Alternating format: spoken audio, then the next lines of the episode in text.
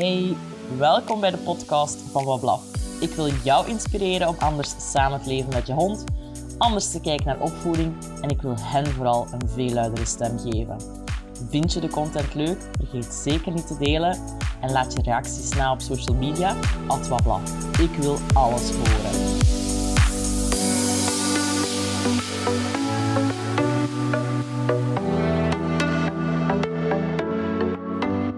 Welkom bij Bewuste Hondenmoeders. Ik zit hier vandaag met Ineke van der A. Zij is auteur van het boek Doxitief. Zij is dierenmoeder en eigenares van She-Wolf. Hey Ineke. Hey Annelies. Welkom. Dankjewel. Fijn dat ik hier mag zijn. Ja, super. We gaan het denk ik vandaag een beetje hebben over hoogsensitiviteit bij honden. Dat is jouw stokpaardje wel, denk ik. Ja, dat is mijn stokpaardje inderdaad geworden de voorbije jaren. Uh, dat was eigenlijk zelfs niet zo mijn intentie om dat zo te laten groeien. maar uh, ondertussen is dat zijn eigen leventje zo wat beginnen leiden. En ik vind het eigenlijk fijn, uh, want op die manier is er ineens veel meer aandacht voor een onderwerp dat eigenlijk heel courant is. Want doxitief is eigenlijk een, een soort van uh, verzamelwerk van alles wat jij rond hoogsensitiviteit bij honden hebt geleerd, ervaren, gevoeld bij andere mensen? Ja, inderdaad. Ik heb dat eigenlijk, om heel eerlijk te zijn, uh, heb ik doxitief vooral geschreven voor mezelf.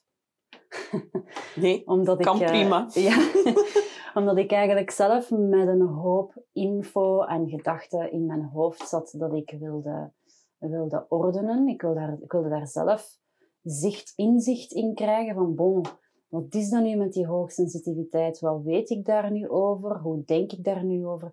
Dus ik ga dat eerst voor mezelf zo een beetje ordenen. Maar er waren ook veel cliënten van mij die daar baat bij hadden, bij zo'n naslagwerk. Ja. Dus ik wilde dat eigenlijk vooral voor die mensen ook kunnen aanbieden van, voilà, daar kun je thuis nog eens over nalezen. Maar uh, ondertussen heb ik geleerd dat dat iets is, dat het een onderwerp is waar heel veel mensen, en niet alleen mensen, ook andere dieren mee zitten. Het leeft ook wel tegenwoordig binnen, binnen hondenland, dat er toch wel aandacht aan wordt geschonken. En ik denk dat jij daar een grote bijdrage aan geleverd hebt, maar mensen zijn zich denk ik wel bewuster en bewuster aan het worden van het feit dat honden meer zijn dan alleen maar een dier op vier poten. ja, maar dan nog lijkt dat een beetje taboe nog altijd. Om, om over honden te spreken als diepvoelende wezens. Ik had uh, ooit zo eens tijdens een, uh, tijdens een lezing van Doxitief, terwijl ik aan het praten was over uh, diepere gevoelens bij honden en emoties bij honden, had ik ooit eens een mevrouw die vroeg, heb je het al voor gehad dat er op dit moment mensen recht staan en, en vertrekken? Tijdens een lezing.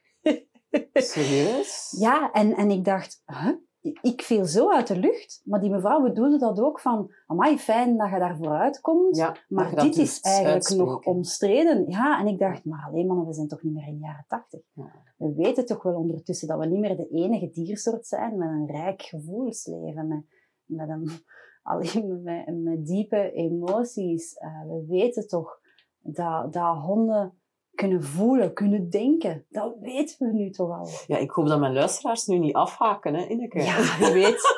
nee, ik denk het niet. Ik denk dat, dat ze ondertussen wel al doorhebben dat ik hè, mijn honden op het niveau van mijn kinderen breng. Ja. En wie daar niet, niet voor is, uh, zal dat ook wel... Uh, zal het ook voor zichzelf wel kunnen uitmaken uh, of dat zij dat op die manier willen ervaren, ja of nee. Ja. Maar voor mij is dat een waarheid waar dat ik naar moet leven.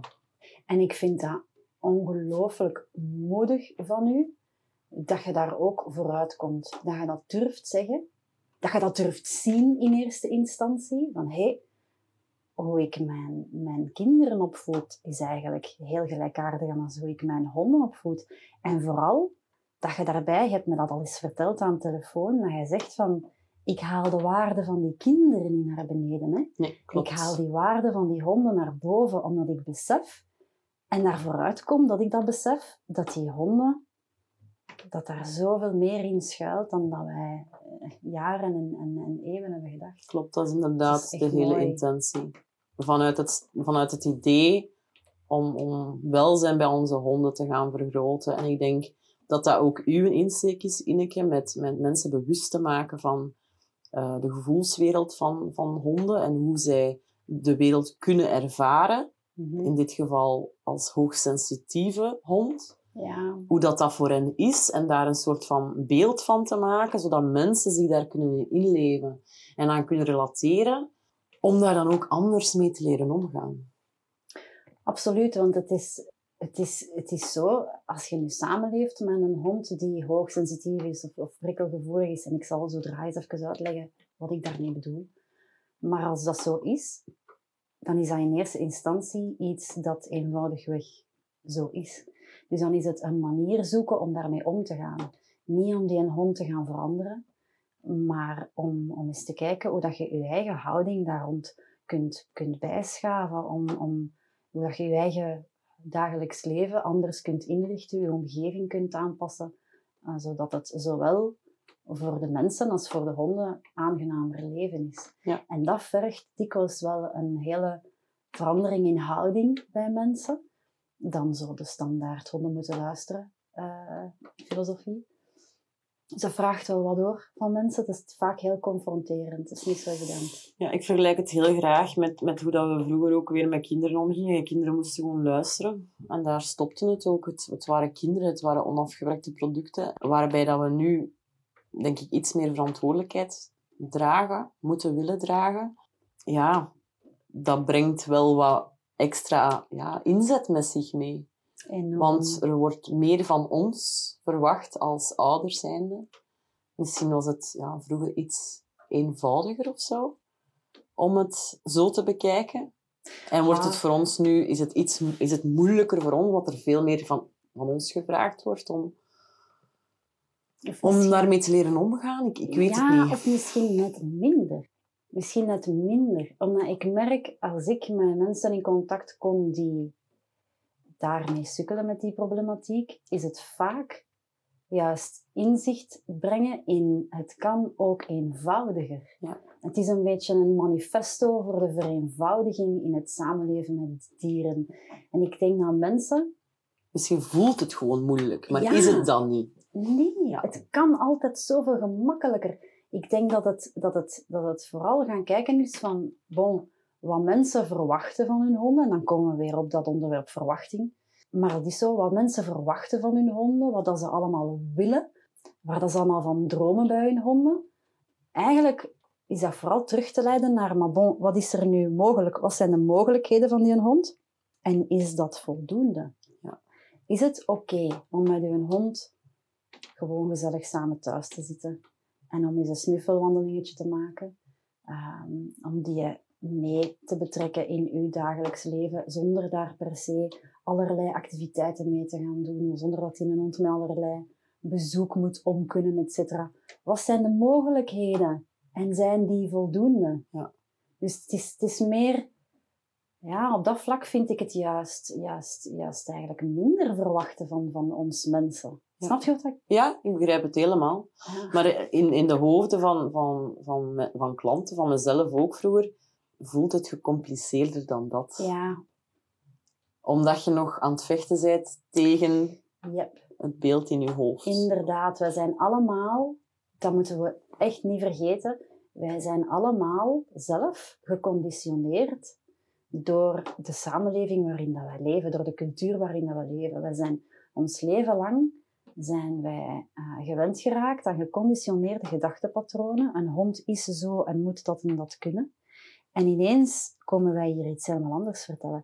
En ik denk dat dat gevecht tegen geconditioneerde gedachtepatronen, dat doorbreek je niet zomaar. Nee. Dat is iets waar dat je kunt, je kunt daar een introductie in brengen en je kunt mensen tonen dat het ook anders kan, maar wij mogen ook niet verwachten dat die mensen ineens heel hun doen en laten gaan veranderen. Ja, klopt. Dat is een proces. ehm, en een heel, een heel lang en intens proces. Want Ineke, leg een keer uit waarom dat, dat zo belangrijk is om te gaan kijken wat genoeg is voor die hoogsensitieve honden. Wat is die hoogsensiti- hoogsensitiviteit juist? Eigenlijk is het het eenvoudigste om het, om het uit te leggen, is dat mensen hebben dikwijls het idee, iemand die hoogsensitief is, dat dat een soort van uh, superhero is, met van die fantastische uh, zintuigelijke mogelijkheden. maar de zintuigen werken hetzelfde. Het is alleen de, de verwerking in de hersenen die intenser gebeurt. Okay. Met als gevolg dat allerlei zintuigelijke informatie even sterk binnenkomt, minder gefilterd wordt. Dus alles komt ja, letterlijk even sterk naar, naar binnen. En daardoor gaat er wel een hoog opmerkzaam vermogen hebben. Je gaat veel meer subtiliteiten uit je omgeving opmerken. Dus je gaat ook veel sneller linken leggen. Met als gevolg dat je heel snel een soort van inzicht gaat kunnen krijgen over iemand of een situatie. Het nadeel is dat je heel snel overweldigd geraakt. Mhm. Dat je heel snel overprikkeld geraakt. Je gaat letterlijk, gaat je brein sneller oververhitten. Is het een, een vorm van autisme? Mm, Dat denk ik niet. Ik denk wel dat het erop kan lijken. Mhm. Ik denk dat bijvoorbeeld iemand die eh, signalen vertoont, kenmerken vertoont van hoogsensitiviteit, dat dat heel erg kan lijken op iemand met eh, PTSD, iemand met post-traumatic stress disorder, Ja. iemand met eh, allerlei vormen van, van autisme. Maar ze worden al eens door elkaar gehaald. Ik bijvoorbeeld als hoogsensitief persoon, ik haal heel veel uit een, dagelijks, een dagelijkse routine, alles dat altijd hetzelfde is. Omdat dat alvast iets is eh, waar ik me geen zorgen over moet maken. En dan heb ik extra draagkracht om om te gaan met, Met de andere dingen die binnenkomen. ja. Dat lijkt alsof dat er zo'n beetje ja, een, een, een, een trekje is. Dat lijkt op autisme. Hè. Mensen met autisme hebben ook heel veel nood aan die, die, die standvastigheid, die routines, die voorspelbaarheid. Maar dat is nog altijd van een heel ander kaliber, denk ik. Ja. Ja, ik denk dat daar ook toch wel een verschil in zit. Oké, en die hoogsensitieve honden. In jouw boek geef je ook een aantal kenmerken waaraan dat je toch een beetje kunt, allee, kunt voelen van oké, misschien zit ik hier wel met een, een hoogsensitieve hond. Wat zijn zo belangrijke handvaten die je dan de mensen meegeeft om de eerste stap te zetten naar, naar ja, een nieuw leven met die hoogsensitieve hond? Mm. Ik ga daarin eerst duidelijkheid scheppen in het eh, label hoogsensitiviteit bij honden. Mhm. Daar is onderzoek naar gebeurd en ik denk dat dat blijvend lopend is. Het is heel interessant. Het zal zeker ook bestaan bij honden. Maar het is iets dat zich manifesteert in het brein. Het is niet iets wat we 100% kunnen zeggen van voilà, die hond is hoogsensitief Ja. of die hond is niet hoogsensitief. Er zijn ook veel honden die kampen met eh, extreme, intense trauma's Mhm. En die daardoor ook kenmerken vertonen van hoogsensitiviteit. Dus voor mij is het minder belangrijk om te kunnen zeggen die hond is hoogsensitief, hoogsensitief of is dat niet. Daarom noem ik ze ook dogsitief. Ja. Voor mij is een hond dogsitief die enorm prikkelgevoelig is. Ik zie dat als honden die heel snel bijvoorbeeld fysiek geëxciteerd zijn, heel veel snel fysiek opgewonden zijn. En dat komt ook omdat het moment dat je, dat je, dat je veel informatie naar binnen krijgt, hè, je lichaam ehm, geraakt in een soort van ja, opgewonden Door alle staat. zintuigen bedoelde dan, hè? Yes. gevoel aangeraakt worden, maar ook alles wat je ziet, Zien. wat je hoort, wat je ruikt. Ja, alles. Alles, alles. Everything's coming in.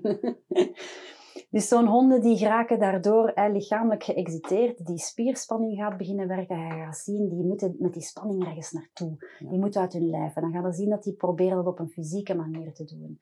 Dat is een eerste kenmerk dat ik zie van, ah ja, oké, dat is iemand die hoogstwaarschijnlijk heel prikkelgevoelig is. Er is een verschil tussen een hond die gewoon eh, excited is en die gewoon actief is. En dat zijn dikwijls honden die ook ondertussen heel eh, aandachtig zijn. En waar dat je een, letterlijk bijna een gesprek mee kunt voeren. Dus die zijn er ook nog echt bij. Maar een hond die beginnend overprikkeld is, die heeft ook weinig eh, concentratievermogen. Er komt geen input meer door. Nee, en alles is heel snel te veel. Het hoofdje zit vol, niks komt niet meer binnen. Ja. En dat zijn dan zo van die honden waarvan de mensen denken van allee, die is zo hevig en ik heb daar precies geen vat op. Maar als je die honden in een situatie brengt die rustgevend is, die voorspelbaar is, een plaats en een situatie waarin dat die honden werkelijk tot rust kunnen komen, dan ga je zien dat dat honden zijn die thriven. Die juist een heel hoog leervermogen hebben. Ja. Ehm, Die een volledige tegenovergestelde laten zien ja, van wat dat ze in die andere context konden laten zien. Ja, dat zijn dikwijls honden die met voldoende rustmomenten, met voldoende hersteltijd, dat die, eh, dat die eigenlijk helemaal openbloeien. Dus dat is eigenlijk een, een kenmerk. Je gaat ook zien dat dat honden zijn die werkelijk precies alles willen gezien en gehoord en geroken hebben. Dus bijvoorbeeld een hond die eh, ook echt aan, aan de subtiliteiten gaat, gaat, gaat eh, aandacht besteden. En ik denk bijvoorbeeld aan, aan make-up. Als ik make-up heb opgedaan en ik kom naar beneden, dan komt een van mijn honden aan mijn wimpers snuffelen. Omdat hij ziet van, hey, je hebt iets aan je, hebt iets aan je hangen. Ja. dus allee, dat zijn zo van die details. Maar ik denk dat dat vooral is, die, die subtiliteiten opmerken, die gemakkelijk geëxiteerd zijn. Ehm, maar je hebt ook honden die daarin redelijk matuur zijn, die dat voelen opkomen en die op tijd iets anders gaan doen. Die echt zelf proberen die rust op te zoeken Ja. en die, die routine te gaan opzoeken. Ja, of die, die zich eerder gaan terugtrekken en, en mensen dat dan interpreteren van zie, die is al, ah, die sociaal. Ja, dat is heel vaak de interpretatie, Ja. inderdaad. Die is niet graag bij ons. Terwijl dat gewoon honden zijn die zoiets hebben van nee, ik zie je graag, maar niet 24-7. Ja. Dus eh, oh, je hebt er zoveel verschillende soorten Mhm. in. Ehm, net als bij mensen. Hè. Ze kunnen het allemaal op zo'n verschillende manieren tonen. En wat is voor u het belangrijkste dat mensen daar rond aan inzicht krijgen? Stel, zij herkennen zich in die brede waaier aan kenmerken en zij hebben zoiets van, hmm, mijn hond zou ook wel eens hoogsensitief kunnen zijn.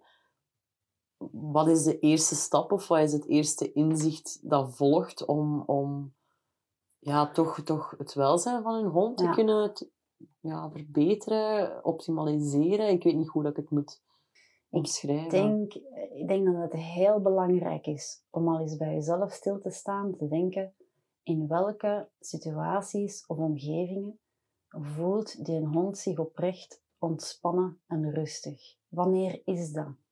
Is dat alleen maar s'nachts? Is dat als het stilletjes is thuis, als de kinderen niet thuis zijn? Je- wanneer thrive je. Ja, inderdaad. Wanneer thrived hij? Wanneer is hij op zijn beste? Dus dat is dat. Wanneer, en, en mijn rustig zijn bedoel ik niet gewoon liggen, maar daadwerkelijk ook kunnen slapen. Dus daadwerkelijk echt ook kunnen slapen en, en, en echt kunnen, ja, kunnen relaxen. Waar is dat? Wanneer is dat? Wie is daar wel en niet in de buurt?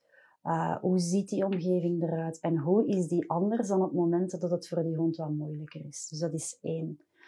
Twee, in welke omgeving is die aandachtig? In welke omgeving, in welke situatie is die aandachtig? Met aandachtig bedoel ik niet dat hij de hele tijd naar u zit te kijken, voor alle duidelijkheid, maar dat als je daar iets tegen zegt, dat je, dat je een, een, een kalme, uh, verstandige respons krijgt. Ja, dat je het gevoel hebt dat er ergens communicatie is op dat moment. Ja, Ja. dat er communicatie mogelijk is, dat er contact mogelijk is. En dan kun je de vraag gaan stellen, oké, wanneer zie ik dat bijvoorbeeld tekenen van positieve opwinding, spel, etc. een beetje omkeren naar eerste tekenen van stress en, en overprikkeling. Die eerste tekenen van stress, ja, dat manifesteert zich in uh, onrustig worden meestal. Ofwel proberen weg te gaan, zich Mhm. proberen terug te trekken. Ofwel zo wat tekenen van onrust, hè, kalmerende signalen vertonen. Ja. Een keer ah, een keer wegkijken. Ja, zo van, van die signalen. En dan kun je al de vraag stellen van, alright, wat, wat is er hier aan het veranderen? Is het misschien te moeilijk? Zijn we op wandel? Wat hebben we al gezien op wandel? Geraakt zijn, zijn, hoe, hoe ziet die spierspanning? Hoe ziet, hoe ziet dat lichaam eruit? Ja. Als je ziet van, ha, die geraakt zo, die, die geraakt gespannen, dan gaat dat dikwijls ook zien dat die, dat die spieren beginnen trillen. Bij heel veel honden zitten dat aan hun billen. Die krijgen Echt meer en beter, liggen, beter leren kijken. Echt, ook naar echt ja. kijken, kijken Ja. naar de details. En daarvoor is ondersteuning vaak wel, uh, wel nodig. En dan ga je inderdaad kijken van, alright, welke situaties zijn goed en in welke situaties heeft hij het moeilijk. En dan ga je zien, alright, waar liggen die mogelijkheden binnen? Goeie, momenten en goede situaties en waar liggen die grenzen. Ja. En heel vaak is het nodig om die eerste maanden die grenzen radicaal te gaan respecteren. Mhm. Die een hond onder zijn grens te houden, dat hij zich veiliger kan voelen, dat hij zich gehoord en gezien voelt. En pas als dat kan, dan kunnen samen gaan zien van oké, nu heb je je draagkrachten een beetje. Terug een Ah, beetje energie ja. bij. Net zoals dat mensen na een tijd ook echt leeggezogen kunnen geraken. Door in een situatie te blijven zitten die, die, ja, die hen niet meer vooruit, vooruit helpt. Waarbij dat zij ook totaal geen aandacht meer hebben. Contact verliezen met de omgeving. Mhm. Niet meer kunnen leren. Niet meer, geen informatie meer kunnen verwerken. Dat Ja. door hen voor langere tijd uit die context te halen. Wat ook vaak gebeurt bij burn-outs en zo eigenlijk. Hè? Ja.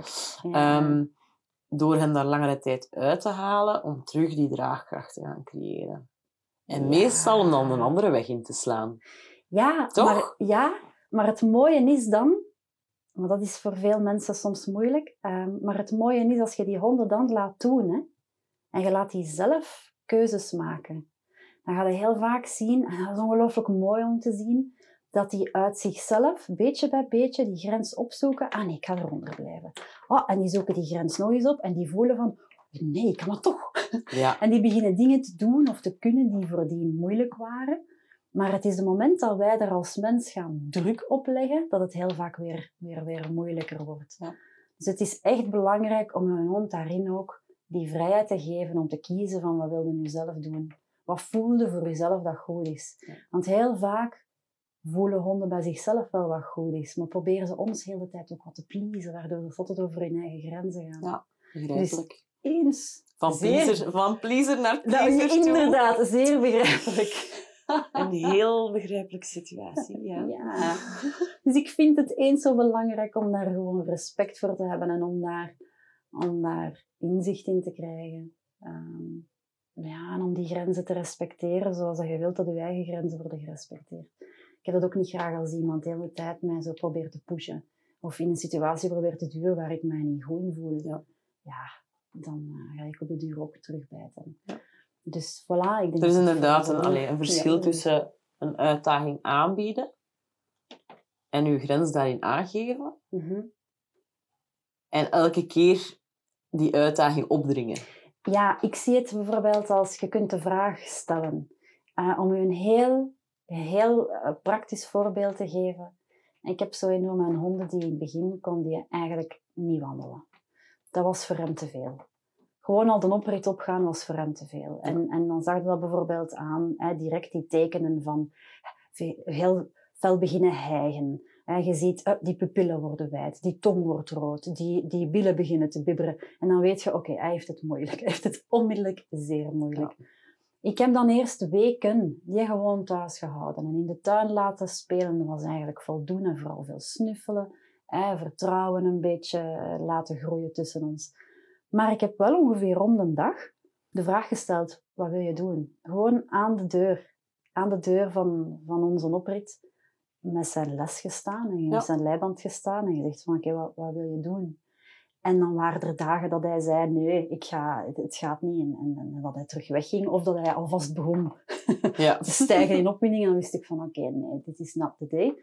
Maar er waren ook dagen dat ik zag dat hij daarin geïnteresseerd was, dat hij snuffelde aan de deur en aan de poort. En, en dat ik zei van, oké, we gaan die leiband eens aandoen. En dat ging. En, en we gaan eens gewoon kijken op de oprit. Voilà. En zo zijn we dat zo stilletjes beginnen opbouwen. Maar dat is met de vraag te stellen. Wat denkt je? Is het vandaag een goede dag? Heb je er goesting in? Ja. Ja? Let's go. Nee? Alright. Wat is er nu zo belangrijk dat je daar per se op die oprit moet gaan staan? Ja. Dat is helemaal niet zo belangrijk. Dus nee, we gaan gewoon terug naar binnen.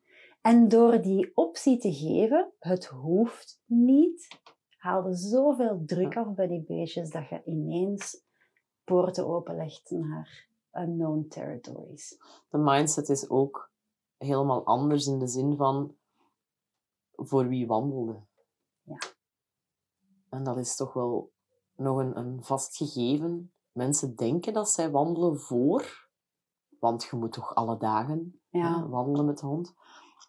Maar ik heb het gevoel dat heel veel mensen wandelen omdat het zo hoort of omdat zij het fijn vinden. Ehm, of omdat ze denken... Om eruit te zijn, hè, voor zichzelf ook gewoon, om even naar Ja. buiten te kunnen. Ehm, Ja, dat is waar. Maar dat dan niet altijd in, in samenspraak is met een hond of zo. Nee, en ik denk ook oprecht dat het heel vaak is omdat, omdat mensen nog altijd denken dat het nodig is. Of dat dat het, hetgene zal zijn dat die hond, waardoor het hem het zal leren. Maar wat dat heel belangrijk is om te weten, hè, is dat op het moment dat emotie stijgt, daalt het leervermogen. Ja. Dus op het moment dat een hond in die emotie stijgt, in die opwinding stijgt, is het niet het moment om hem iets te willen leren. Dat is het moment om hem te laten rusten en dalen in opwinding. Ja. En pas als hij genoeg gedaald is, en dat die emotie ook genoeg gedaald is, dan pas kan die iets leren. Dus het is volstrekt absurd om met een hond die gestresseerd is of die beginnend overprikkeld is, om dan op dat moment te beginnen belonen en straffen. En oefenen en Dat is trainen. ja. gewoon, dat is gewoon absurd. Dat, dat heeft gewoon geen... Het enige wat je doet, is eh, je vertrouwen breken. Ja. Dus please go home met zo'n hond. En inderdaad, stel je die vraag, wat is uw intentie als je met die hond buiten stapt? Wat, is uw intentie daarbij? Meestal is de intentie natuurlijk goed bedoeld. Hè. Maar natuurlijk, Altijd, hè. natuurlijk, Altijd. daar geloof ik ook in. Maar ehm, als je dieper kijkt, effectief, ehm, en je doet het vanuit de intentie van ik wil gewoon dat mijn hond en ik hè, samen kunnen genieten van het leven, dan is denk ik het laatste wat dat je daarin wilt bereiken, dat er ja, een breuk ligt, of een breuk komt in, in, in de vertrouwensband tussen jullie twee. Ja, Ehm, dat is ook zoiets fragiel. Hè? Over die vertrouwensband gesproken. Ik merk dat dat iets is waar heel veel mensen naar streven. Uh, naar een hechte vertrouwensband met hun hond. Of met een ander dier of een ander mens. En ik merk heel vaak dat uh, heel veel mensen die daar heel erg naar streven, naar die, dat gevoel van verbinding met iemand, dat dat mensen zijn die de verbinding met zichzelf ook een beetje kwijt zijn. Oké. Okay. En ik denk dat het belangrijk is om ook daaraan aandacht te besteden. Van als je dat heel erg voelt, die drang naar verbinding, die drang naar een vertrouwensband, dat je eens even goed stilstaat bij waar ben je zelf in dat verhaal? En wat kan je doen om eerst dichter bij jezelf te komen? Want je kan pas echt een oprechte, een oprechte vertrouwensband opbouwen met iemand anders als die er is bij jezelf. Ja. Je spiegelt echt wat dat je nodig hebt. Hè? Absoluut. Ja. En ik denk, op het moment dat je in een good place bent met jezelf, dan komt dat wel, dan volgt dat wel. En we mogen daar ook niet bij vergeten dat zo'n vertrouwensband, dat is een blijvend, evoluerend proces. Dat is niet zo een einddoel dat je op een dag bereikt en dat je zegt, nu hebben mijn hond en ik een hechte vertrouwensband en niks maakt dat nog kapot. Nee, dat is vallen en opstaan. Ja. Je zijn allebei complexe individuen. Relaties zijn work in progress altijd. Ja, ja, dat is een blijvend evoluerend iets. En we moeten daar ook blijven aan werken, ook aan onszelf. We have to put the work in it. We veranderen ook, hè. En Ja, die, die voilà. hond die, die jij nu er- erkent als hoogsensitief, die gaat ook misschien binnen een aantal jaar zelf bepaalde grenzen kunnen aangeven, waar dat hij die nu nog niet kan aangeven. Maar jij, allee, jij groeit ook ondertussen mee, hè. Ja, ja, ja. Dus het is inderdaad een, een, een momentopname. Hè. Dat is eigenlijk enorm, enorm complex. En we mogen dat niet zien als iets standvastigs. Of iets dat een einddoel heeft. Ja. dat, is, eh, dat is voor mij absoluut niet aan de orde. Het is een blijvend proces van vallen en opstaan. Voor een hond, voor uzelf, voor jullie samen. Amen. Ineke, waar kunnen mensen uw boek Doxitief terugvinden? Doxitief is nog altijd uh, beschikbaar bij de boekhandel. En ik ben er eigenlijk voorstander van om de lokale plaatselijke boekhandelaar uh, te ondersteunen. En om daar eens te horen dat ze hem hebben of dat ze hem kunnen bestellen. Je kan hem uiteraard ook online En zijn er nog plannen voor dit najaar? Er zijn nog plannen voor dit najaar. Alright. ja, ja, ik, uh, ik breng in oktober uh, nog een boek uit. Mm -hmm. Yes, en het zal een roman zijn. Oké. Okay. Het zal een verhaal zijn. Hopelijk een, een, een inspirerend verhaal dat uh, mensen een hart onder de riem steekt. En het gaat ook over, specifiek over gelijkwaardig samenleven met een ander dier. Dus uh, het, het wordt wel iets heel moois, denk ik. En ik hoop echt dat het een plek krijgt in, in de harten van vele mensen. Ik ben echt benieuwd. Ik ben super benieuwd. Het gaat sowieso een plek, plekje krijgen op mijn boekenplank. Um, en ik wil jou vooral heel erg bedanken voor dit gesprek. En hopelijk tot in de toekomst. Merci. Salut. Dag.